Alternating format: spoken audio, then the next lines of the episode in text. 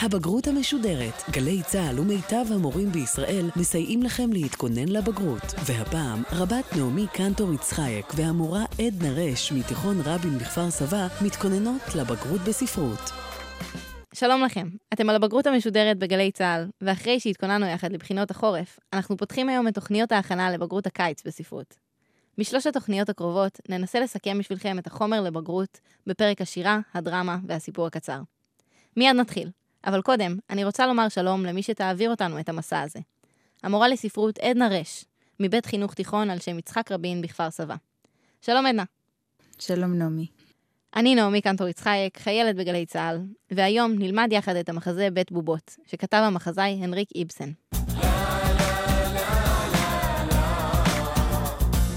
אז עדנה, מה נלמד היום? היום נלמד על uh, בית בובות, שכתב uh, המחזאי איבסן. המחזה נכתב בסוף המאה ה-19, בתקופה הוויקטוריאנית, והוא מחזה חשוב מאוד, מכיוון שהוא המחזה הריאליסטי הראשון שנכתב. אז כבר נתחיל, אבל קודם, איזה שלושה דברים אנחנו חייבים לדעת לפני שבכלל מתחילים בקריאה? קודם כל, בואו נלמד ביחד מה זה מחזה. מחזה בניגוד לסיפור או לסיפורת, הוא ממחיש ולא מספר לנו. אין במחזה איזשהו מספר שמתאר את מה שהיה, והדמויות עצמן מבצעות את הפעולות. השיחה או הדיאלוג תופסת את עיקר המקום במחזה, במחזה קיים על פי רוב איזשהו מתח שנועד לרתק את הקוראים, והמתח הזה נוצר על ידי ריבוי של פעולות, על ידי קונפליקטים, על ידי פערי מידע. מחזה הוא שם כולל ליצירות שנכתבו להצגה. ואיזה סוג מחזה נקרא הפעם? נלמד על מחזה ריאליסטי, על דרמה ריאליסטית. ריאליזם ריאליטי כלומר, משהו שהוא uh, מציאותי. והכוונה היא לאיזשהו עיצוב ספרותי שיוצר איזושהי אשליה של מציאות, שנראה לנו מאוד אותנטי. המחזה הריאליסטי שואף להציג את החיים כמו שהם, בלי איזושהי אידאליזציה על היפה, על המכוער שיש בהם. ולכן המחזה הזה כל כך יוצא דופן, כי הוא הוצג בשנת 1979. והוא לכן נחשב למחזה הריאליסטי הראשון. לפניו, כל המחזות שהיו בתיאטרון התאפיינו אה, בדמויות נעלות מעולם המלוכה והאצולה, שנועדו לחנך, להציג איזשהו אידאל חברתי, או לחילופין איזשהם מחזות עממיים כאלה, שנועדו לצרכי בידור. ואיזה עוד מושג חשוב שנדע לפני שאנחנו מתחילים ללמוד על המחזה הריאליסטי? מה שנקרא מחזה עשוי היטב. מחזה עשוי היטב, הוא, יש לו איזשהו מבנה מיוחד שמשאיר אותנו במתח עד לרגע האחרון. המחזה עשוי היטב מתחיל ככה באמצע המאה ה-19 עם השינויים בטעם הקהל, והוא בנוי על פי איזושהי תבנית קבועה, נוקשה, שנותנת לו להיות עשוי היטב. למשל, יש בו תמיד איזה סוד כמוס. יש בו גם איזושהי אקספוזיציה מאוחרת. יש בו מאפיינים שמנסים לבדוק את הלכידות הזאת. יש איזשהו מתח שרץ כל הזמן דרך תחבולות, כניסות, יציאות של שחקנים, מכתבים, גילויי זהות של דמויות וכולי. מצוין. אז עכשיו, כשיש לנו בעצם את הבסיס, נראה לי שאנחנו כבר מוכנות להתחיל בקריאה? כן, נתחיל? נתחיל. אז בעצם, כמו שהזכרת, המחזה בית בובות הוא מחזה ריאליסטי, שכתב המחזה הנורבגי הנריק איבסן, ובמרכזו עומד סיפור יחסיהם של זוג, נורה וטורוולד הלמר, זוג נשוי שעומד על סף משבר, נכון? כן, הם על סף משבר. יש במחזה הזה ביקורת נוקבת על כל התפקידים המסורתיים של גבר ואישה בתקופה הוויקטוריאנית, בנישואים שהיו אז. גיבורת המחזה, נורה, עזבה את בעלה באיזשהו חיפוש, בניסיון למצוא את עצמה בעולם הגדול, אחרי שהיא גילתה שבעלה הוא לא הדמות אה, המושלמת הזאת, האצילה שבה היא האמינה. תפקידה בבית היה סוג של בובה, ובעלה, טורוולד, התייחס אליה בצורה מקטינה. היא לא הורשתה לקבל את המפתח לתיבת הדואר, לא פשוט שם. כל מה שקורה ביניהם. עדנה, הזכרת עכשיו את התקופה. אם תוכלי למקם אותנו קצת, על איזה תקופה בדיוק אנחנו מדברות? אנחנו מדברות על סוף המאה ה-19, תחילת המאה ה-20. מה המאפיינים המרכזיים של התקופה הזאת? אנחנו מנסים לראות איזשהו מעמד שנוצר, מעמד בורגני, שמנסה להידמות למעמד אה, גבוה ממנו. הבורגנות זה מעמד של מתעשרים חדשים בעקבות המהפכה התעשייתית שהייתה.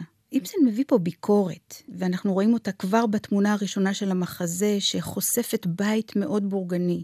זה בית שמנסה להידמות למעמד גבוה ממנו, אבל לא יכול להשתוות אליו. לכן בסלון יש כל מיני חפצים שהם חיקוי למה שמקובל בבתי אצולה. בני המעמד הזה לא רק מחקים את החפצים, אלא גם את ההתנהגות. התפקיד וההכנסה שלהם הם שקובעים את המעמד. כל משבר כלכלי או משפחתי צריך להסתיר, וכלפי חוץ יש איזושהי מסכה של משפחה חמה, אוהבת, שמצבה הכלכלי מבוסס. טוב, אחרי שהבנו באמת על איזה תקופה מדובר, נראה לי שנעבור, נתחיל לקרוא את המערכה הראשונה. במערכה הראשונה מתואר הבית של נורה וטורוולד. זהו, אז הוראות הבימוי מתארות אה, בית מעוצב בטוב טעם שמחקה את המעמד הגבוה. אבל הוא מתחיל במשפט מאוד מעניין, הוא מתחיל בהחביא את האשוח ובהחבאת אה, עוגיות המקרון מלאכול אותה מול בעלה. בעצם זה נפתח ברגע השיא. יש לנו פה איזושהי משפחה מושלמת שחוגגת את המשרה המושלמת בחג המשפחתי ביותר. בחג המולד. יש לו כמובן משמעות של התחלה חדשה, זה, זה חג שמדבר על איזושהי אה, לידה מחודשת, ואנחנו בהוראות הבימוי נכנסים ממש לתוך הבית, לתוך ההכנות של החג. הדבר הראשון שאנחנו שומעים זו החבאה. נכון, הסתרה. הסתרה שהולכת ומתעצמת לאורך המחזה, הסתרה של האוכל, של העוגיות, של תחושות, של ההלוואה שהיא לקחה, של העבודה שהיא עושה והוא לא יודע בעלה.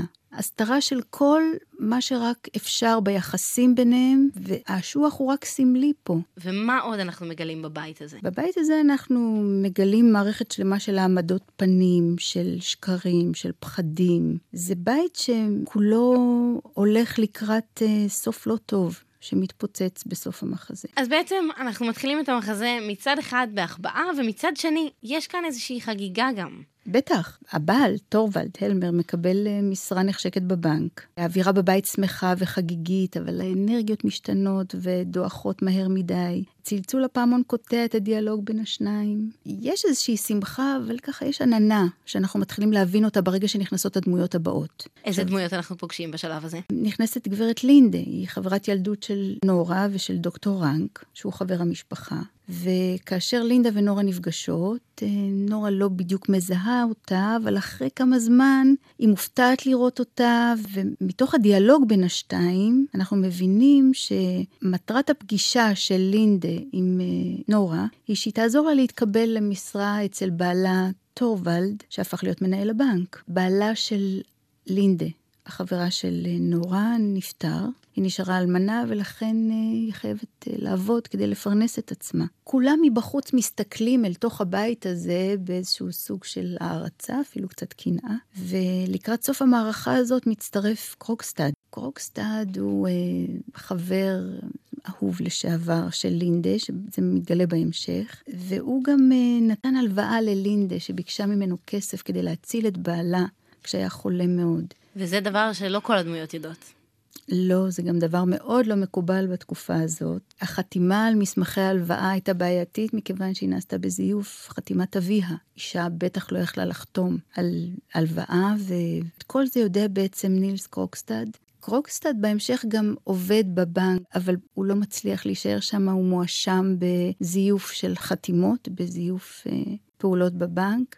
הלמר מאוד כועס עליו, וכל הסיפור איתו הולך ומסתבך. כלומר, בסוף המערכה הראשונה אנחנו בעצם נמצאים באיזושהי סיטואציה מורכבת, אבל מבלי שכל הדמויות בכלל יודעות עד כמה היא מורכבת. בדיוק. הלמר, בעלה של נורה, בעצם עוד לא ממש מבין מה קורה, אבל הוא כועס על גוגסטד, והוא רוצה לפטר אותו. מאשים אותו בחוסר אמינות. ונורה מחליטה לשוחח עם הלמר בעלה ולשכנע אותו שיחזיר אותו לעבודה, הוא מסרב. ובנקודה הזאת נגמרת המערכה הראשונה. ברור לנו שנורה מפחדת לא רק בגלל שהיא חוששת שלא תהיה לקרוגסטד עבודה, היא גם חוששת לעצמה. לגמרי. היא מבינה שהדברים עלולים להסתבך. היא מספרת את כל העניין הזה ללינדה, חברתה. זאת אומרת, היא משתפת אותה בסוד העניינים. מערכה שנייה מתחילה בפחד הזה שמתחיל להשתלט על חייה של נורה. נתחיל לדבר על המערכה השנייה? המערכה השנייה מתחילה בפחד.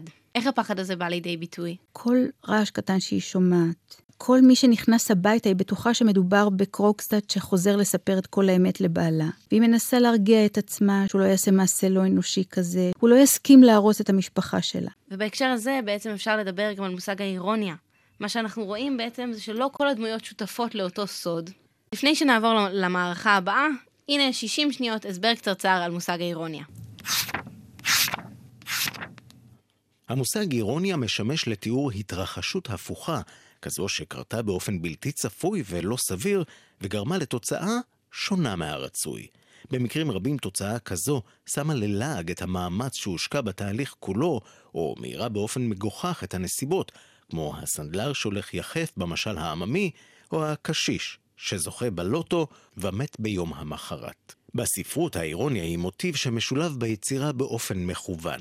בטרגדיה היוונית למשל, היא נועדה להגביר את המתח ולחדד את המסר לפיו אדם אינו יכול לשנות את גורלו, כמו אדיפוס, שהנבואה עם לידתו הייתה שיהרוג את אביו ויישא לאישה את אמו. ביצירות אחרות האירוניה היא אמצעי רטורי שנועד להבליט את המסר ביצירה על דרך הניגוד. כך הוא מאפשר ליוצר להבליט את הגיחוך בסיטואציות מסוימות ולהביע לעג ועוקצנות. לא אחת המחבר מסתמך על הפער האירוני, כלומר הידע המוקדם של הקהל והקוראים על אודות העלילה, ושם בפי הגיבורים מונולוגים שתכליתם הפוכה לעומת מצבם האמיתי, והאירוניה שנוצרת בכל מקצינה את בורותם ואת הטרגיות של מצבם. במחזה הריאליסטי, בית בובות, נעשה שימוש באמצעי האירוניה על מנת להדגיש את השלכות ההסתרה והסוד שמסתירה נורה מבעלה. אחרי שהבנו לעומק מה זאת אירוניה, נמשיך, נדבר על המערכה השנייה.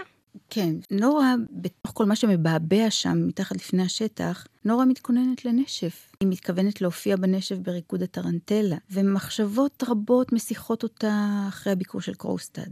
היא מתחילה לחשוב על לעזוב את הבית, אה, לנסוע הרחק. היא גם משתפת את, אה, את חברתה, את לינדה. היא מספרת לה שקרוקסטד ביקר אצלה, והוא איים עליה שיגלה את הכל. והשיחה בין השתיים נקטעת, הלמר נכנס לסלון, נורה נאלצת להעמיד פנים שהכל אה, נפלא, כמו תמיד, והם אה, משוחחים על הנשף. נורה מכוונת את השיחה לנושא אחר, בעניין הפיטורים של מר קרוקסטד. היא מנסה לשכנע אותו שישקול שוב את ההחלטה, אבל הוא סגור בדעתו, והיא רק מאיצה את החלטתו של בעלה, שמחליט לשלוח תכף מיד מכתב ולפטר אותו. נורה כבר בשלב הזה מבינה טוב מאוד שהמצב רק הולך ומסתבך. ואז נכנס דוקטור רנק לביקור נוסף, ומתחיל לנהל שיחה עם נורה. דוקטור רנק הוא חבר המשפחה. הוא גם מאוהב בנורה. היא חוששת שהסוד יתגלה, ו... והיא צריכה את עזרתו. היא חשבה אפילו לקבל, זאת אומרת, לנסות להלוות, לקחת ממנו כסף כדי להחזיר את החוב הנוראי הזה. יש עוד משהו שדוקטור אה, רנק מספר לה, הוא שהוא חולה. ושוב נכנס קרוגסטד, והם מתעמתים ביניהם, הוא ובעלה, והוא מכניס את המכתב הזה. במערכה השנייה אנחנו ממש מרגישים את, את האיום. האיום. הכבד הזה שנורה כל הזמן מפחדת ממנו, שבעלה עלול לגלות. היא לא מוצאת מנוחה לנפשה, ותוך כדי היא צריכה לשים מסכה ולהתכונן לנשף ולהכין את הבגדים ולכסות על הכל באיזה מצב בלתי אפשרי מבחינתה.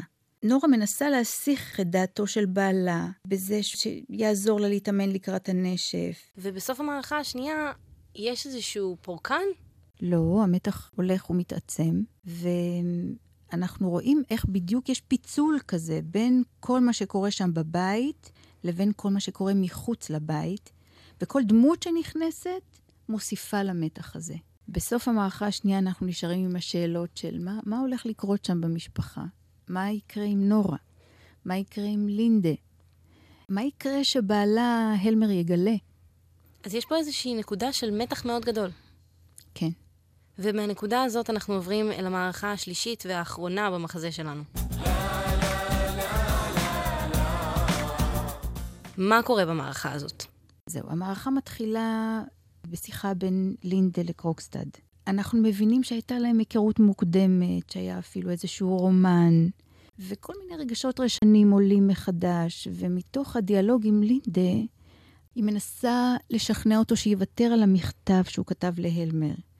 וקרוקסטד בהתחלה חושד, כי הוא חושב שאולי כל המפגש הזה ביניהם הוא כדי להציל את חברתה, את נורה. ולפתע לינדה משנה את דעתה והיא אומרת שאולי באמת כדאי להשאיר את המכתב הזה. כדאי שכל האמת הזאת תתחיל לפעפע החוצה, כי משהו שם לא טוב קורה ביניהם. כי עד עכשיו ראינו איזושהי תמונה של בית מאוד מאופק, אף אחד לא מדבר. בית בובות. בית בובות, לגמרי. ו... לינדה, שהייתה חברה טובה באמת של נורה, מנסה להציל אותה מהמסווה הזה, מהמשחק ההרסני הזה. ואז... אה, מנסה להציל אותה, ומצד שני היא גם מבקשת ממנו לבוא ולעשות את הדבר שנורה הכי מפחדת ממנו. בדיוק. לספר את האמת. עדנה, יודעת מה? בואי נשמע קטע קצר.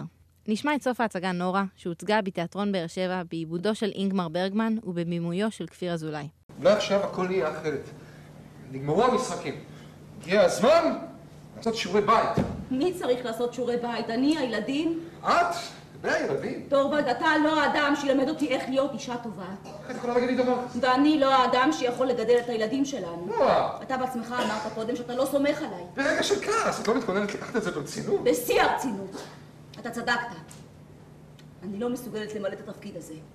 אני קודם כל חייבת לעשות שיעורי בית. אבל אני חייבת לעשות את זה לבד. בגלל זה אני עוזבת אותך. מה אמרת? אני הולכת. איי, את מטורפת! אני לא אתן לך, אני לא מרשה לך. אתה כבר לא יכול להגיד לי מה לעשות. אני לוקחת איתי את הדברים שהבאתי מהבית, אני לא רוצה ממך כלום, לא עכשיו ולא בעתיד. מה זה הטרף הזה? את עוזבת את הבית שלך, את הבעל שלך, את הילדים שלך?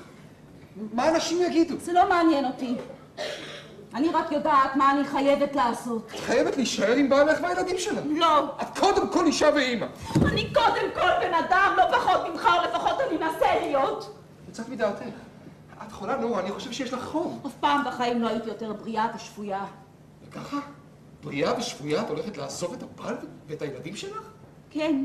אז יש לזה רק הסבר אחד. מה? את לא אוהבת אותי יותר. אז מה שמענו כאן, עדנה? נשאר סוף פתוח במחזה הזה. טריקת דלת, ככה שמזעזעת את כל הסיפים. זה, מתהפך שם הכל בסוף. בעלה, הלמר, מקבל את המכתב, קורא אותו, מזועזע, אה, מכנה אותה בכינויים מעוותים וקשים. הוא קורא לה צבועה, שקרנית, פושעת, מטיח בה דברים בלתי נסבלים, והיא מנסה לעזוב את הבית, אבל הוא לא נותן לה, הוא ממשיך לתקוף אותה. באותם רגעים יש לנו איזשהו צלצול בפעמון. הוא פותח את הדלת בהססנות, ומישהו מביא מכתב נוסף מקרוגסטד, שהוא לוקח חזרה את כל האישומים והאיומים, והכול חוזר לקדמותו. בתגובה למכתב הזה, הוא מתנהג כאילו הסערה חלפה. והוא חוזר לכנות את נורה בכל מיני כינויים חיוביים ואוהבים. מה אבל... זה מלמד אותנו בעצם? על יחסים שהם מבוססים על זיוף. שום דבר לא אמיתי שם. הכל איזושהי העמדת פנים. היא עשתה עבורו כל מה שיכלה. היא לקחה הלוואה, היא החזירה אותה בלי ידיעתו, עבדה עבודות, חסכה פרוטה לפרוטה. שום דבר לא מוערך, שום דבר לא אמיתי שם. רגע קודם הוא היה מוכן uh, שהיא תהיה במצבים קשים כדי שיוכל להציל אותה, והנה פתאום הוא מדבר אליה בצורה קשה, ו- ושוב זה מתהפך כשהכול נרגע, והיא לא יכולה עם זה יותר. היא חווה אכזבה קשה כזאת, והיא אומרת לו כמה משפטים בלתי, בלתי נשכחים. היא אומרת לו, איך יכול להיות שכבר שמונה שנים אנחנו נשואים ולא קיימנו בינינו שיחה רצינית אחת? היא מבקשת את החופש שלה, להחזיר את חייה חזרה. אז לה... בעצם בשיחה עם לינדה, לינדה אמרה לה, את לא יודעת מה זה סבל. ופתאום עכשיו אנחנו מבינים שהדמות הזאת, שאנחנו כל הזמן חשבנו שהיא מסתירה והיא לאו דווקא ישרה, אנחנו מבינים שהיא בעצם סבלה לאורך כל המחזה, והיא הקריבה וניסתה גם לעזור. היא חיה בשקר שאי אפשר לחיות אותו יותר. זאת אומרת, כל החזות המאושרת הייתה זיוף אחד גדול, איזשהו שקר במשפחה הבורגנית שלהם. נורה גם מודעת לזה שהקטנה שלה היא חלק מאותו שקר. כל מה שקורה שם במחזה, התהליך המרכזי קורה לנורה. כשהיא הופכת לאישה עצמאית שמודעת למצבה, שלוקחת אחריות על חייה, שמוכנה לשלם את המחיר החברתי הכבד, את הפרידה מילדיה, מבעלה, מכל העולם הנוח שהיה לה. אז מה ששמענו פה זו פרידה סופית. פרידה סופית. פרידה סופית וקשה. וזה גם אפילו פחות מובן מאליו אולי כשזאת אישה, נכון? לגמרי לא מובן מאליו. אנחנו מדברים על תקופה שנשים היו לגמרי אה, ברשות בעליהן, שעברו מ- מרשות האב לרשות הבעל, שכל תפקידן היה לשמור על הבית ולגדל את הילדים בצורה המרצה והכנועה ביותר, וזה מתנפץ בסוף עם טריקת הדלת. אז המחזה הזה, אפשר להגדיר אותו כמחזה פמיניסטי? אה, הוא לא התכוון לכתוב מחזה פמיניסטי. הוא התכוון אה, לספר לנו משהו, הוא מספר לנו ב, בכל המחזות. אנחנו מדברות על איזשהו סוף דרמטי מאוד, שמביא לסיום גם את כל המוטיבים והסמלים שהיו לכל אורך המחזה. ומדובר פה בלא מעט מוטיבים וסמלים. תוכלי לסכם לנו אותם? קודם כל, במחזה יש ביקורת נוקבת על כל התפקידים המסורתיים של גבר ואישה. נורה עוזבת בסוף את בעלה כשהיא מחפשת אחר העולם הגדול, כשגילתה מי הוא באמת בעלה. כל הבית שם הוא סוג של בית בובות. גם היא, גם בעלה, כל הדמויות שם הם בובות על חוט כאלה. שזה מסביר לנו את שם המחזה, שעלה כבר ברגע הראשון, כשהיא אומרת, צריך לפרק את בית הבובות הזה אחת-שתיים. כן, כן. צריך uh, לעזוב את בית הבובות כדי לגלות מה אמיתי ומה לא. פשוט ככה. ובתקופה הזאת, עבור הוויקטוריאנים, זה שערורייה, כי מי עוזב את הבית? ברית הנישואים נחשבה לדבר המקודש ביותר. והצגה כזאת הייתה בלתי קבילה. היו בתי תיאטרון שסרבו להציג את המחזה הזה בתקופה ההיא. ואיבסן נאלץ לכתוב איזשהו סיום אלטרנטיבי שהיה פחות קודר, פחות מטלטל. הוא עשה תיקונים עם השחקנים בערב פתיחת המחזה. אז אבל... יש לנו כאן גם סוף שהוא סוף פתוח, אנחנו לא יודעים. נורה עוזבת, אבל לאן היא עוזבת? אנחנו לא יודעים. המחזה מסתיים בעצם בטריקת דלת. יש איזושהי יציאה לאיזשהו עתיד אחר, ברור שיש כאן שינוי או לידה מחדש, אם דיברנו קודם על חג המולד. אנחנו רואים שנורה עוזבת ולא ברור לנו מה יקרה איתה. בנקודה הזאת נגמר בעצם המחזה. מעבר לזה, לכל אורך המחזה ליוו אותנו מוטיבים וסמלים שונים, כן. שהגיעו עכשיו אל סיומם. כן, יש לנו מגוון של uh, סמלים ושל מוטיבים. קודם כל, התחלנו עם עץ חג המולד במרכז החדר. העץ הזה מסמל בתרבות הנוצרית איזושהי לידה מחדש. הוא סמל ההתנתקות של נורה מהחיים הנוכחיים, את לידתה מחדש כאישה עצמאית, זה חג המולד, זה השנה החדשה, זמן טעון במשמעות בכל מה שקשור ליחסים במשפחה. נורה מביאה את העץ מהטבע כדי לקשט אותו, ואנחנו רואים שיש פער בין האמת, בין העץ הטבעי הזה לבין מה שמותר להראות. מחביאים שם דברים, יש הסתרות. אמ, ואפשר להצביע על ההסתרה הזאת גם כאיזשהו מוטיב? כן, בדיוק. דבר נוסף, שגם מתקשר לעניין ההסתרה במידה מסוימת, זה העוגיות מקרון שהיא מסתירה מבעלה, היא אוכלת. הוא לא, הוא לא מרשה לה, כי זה לא טוב לגזרה, כי זה לא טוב לשיניים, אבל הן מסמלות את המרד של נורה בבעלה. היא אוכלת מהן בסתר, והיא נהנית לאכול את העוגיות האלה בחברתו של דוקטור רנק. זאת אומרת, מה שהיא מסתירה מבעלה, היא מרשה לעצמה מול ידיד המשפחה שאוהב אותה. סיכמנו את המוטיבים, סיכמנו את הסמלים במחזה. היו גם כמה רעיונות מרכזיים. תוכלי למנות לי אותם? שלושה נושאים מרכזיים הם באמת, נושא אחד הוא ההסתרה, זה כולל גם את הריקוד שיש שם במחזה. שאיזה רעיון מרכזי זה בא להעביר? שהכל שם לא אמיתי. מה שאנחנו רואים הוא לא מה שמתרחש uh, בפועל. נושא נוסף הוא באמת ביקורת חברתית. כל מה שקשור בזוגיות, כל מה שקשור באימהות, כל מה שקשור ביחסים, כל זה. אני מניחה שגם אז זה לא היה מובן מאליו לראות דמות של אישה שיוצאת מהבית אה, ועוזבת את הילדים, את בעלה, זה ממש אה, קשה לעיכול. איזה עוד רעיון מרכזי גדול איבסן מנסה להעביר במחזה? שאדם אה, צריך להיות נאמן לעצמו, פשוט ככה. אדם צריך למרוד. לא יכול להיות שהוא יחיה באיזושהי מציאות שהוא לא שלם איתה. אוקיי, okay, בסדר גמור. אני חושבת שסיכמנו כאן, הצלחנו לסכם גם את המוטיבים, גם את הסמלים וגם את הרעיונות המרכזיים. אמ, ראינו את ההתפתחות של הדמויות ממצב של דמות כנועה שממש נכנעת לתכתיבים של בעלה. אנחנו רואים פה איזושהי דמות הכי עצמאית שאפשר אולי, שפשוט עוזבת והיא במין מרד אישי נועז, מחליטה לעשות צעד קיצוני ו- ולצאת. הגענו לשלב האחרון, כבר הבנו את כל הסמלים והמוטיבים, והבנו את התהליך שכל אחת מהדמויות עוברת. עדנה, יש לך איזה שהם טיפים בשבילנו שיעזרו לענות על השאלה הזאת? קודם כל, כשאתם עוברים על המחזה, שימו לב להערות הבימוי. איבסן מאוד הקפיד עליהם, והם נותנים לנו הרבה על האווירה. הם מציירים לנו את כל הסיטואציה שם. בתוכם גם מגולמים הרבה מאוד מהסמלים ומהמוטיבים שאנחנו מדברים עליהם במחזה הזה. יש לך טיפ נוסף? דמיינו למשל שהטקסט הוצג על במה. תנסו לראות את הכתוב ככה בתמונות, את הדמויות, את האווירה, את היחסים ביניהם. שימו לב איך מתוארת פה כל דמות. מה היא עושה? מה היא אומרת? מה מאפיין אותה? האמת היא שאני כבר מתחילה להרגיש uh, מוכנה. אז עדנה, מה את אומרת? נתרגל איזושהי שאלה מהבחינה?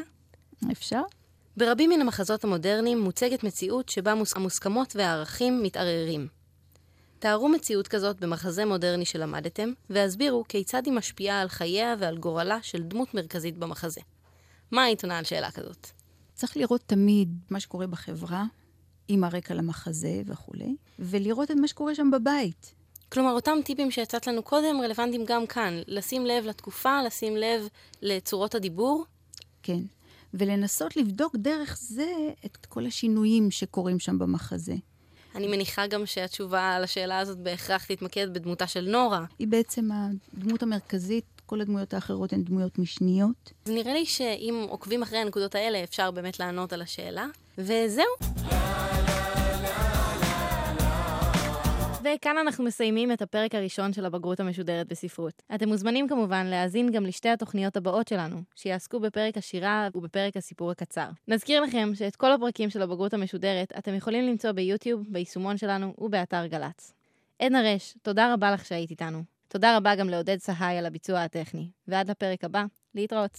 הבגרות המשודרת, רבת נעמי קנטור יצחייק, התכוננה עם המורה עדנה רש לבגרות בספרות. מפיק ראשי, ניתאי ענבי. עורכת הדיגיטל, אלונה בלקין. עורך דיגיטל ראשי, ברק חיימוביץ'. עורכת אחראית, מאיה להט קרמן.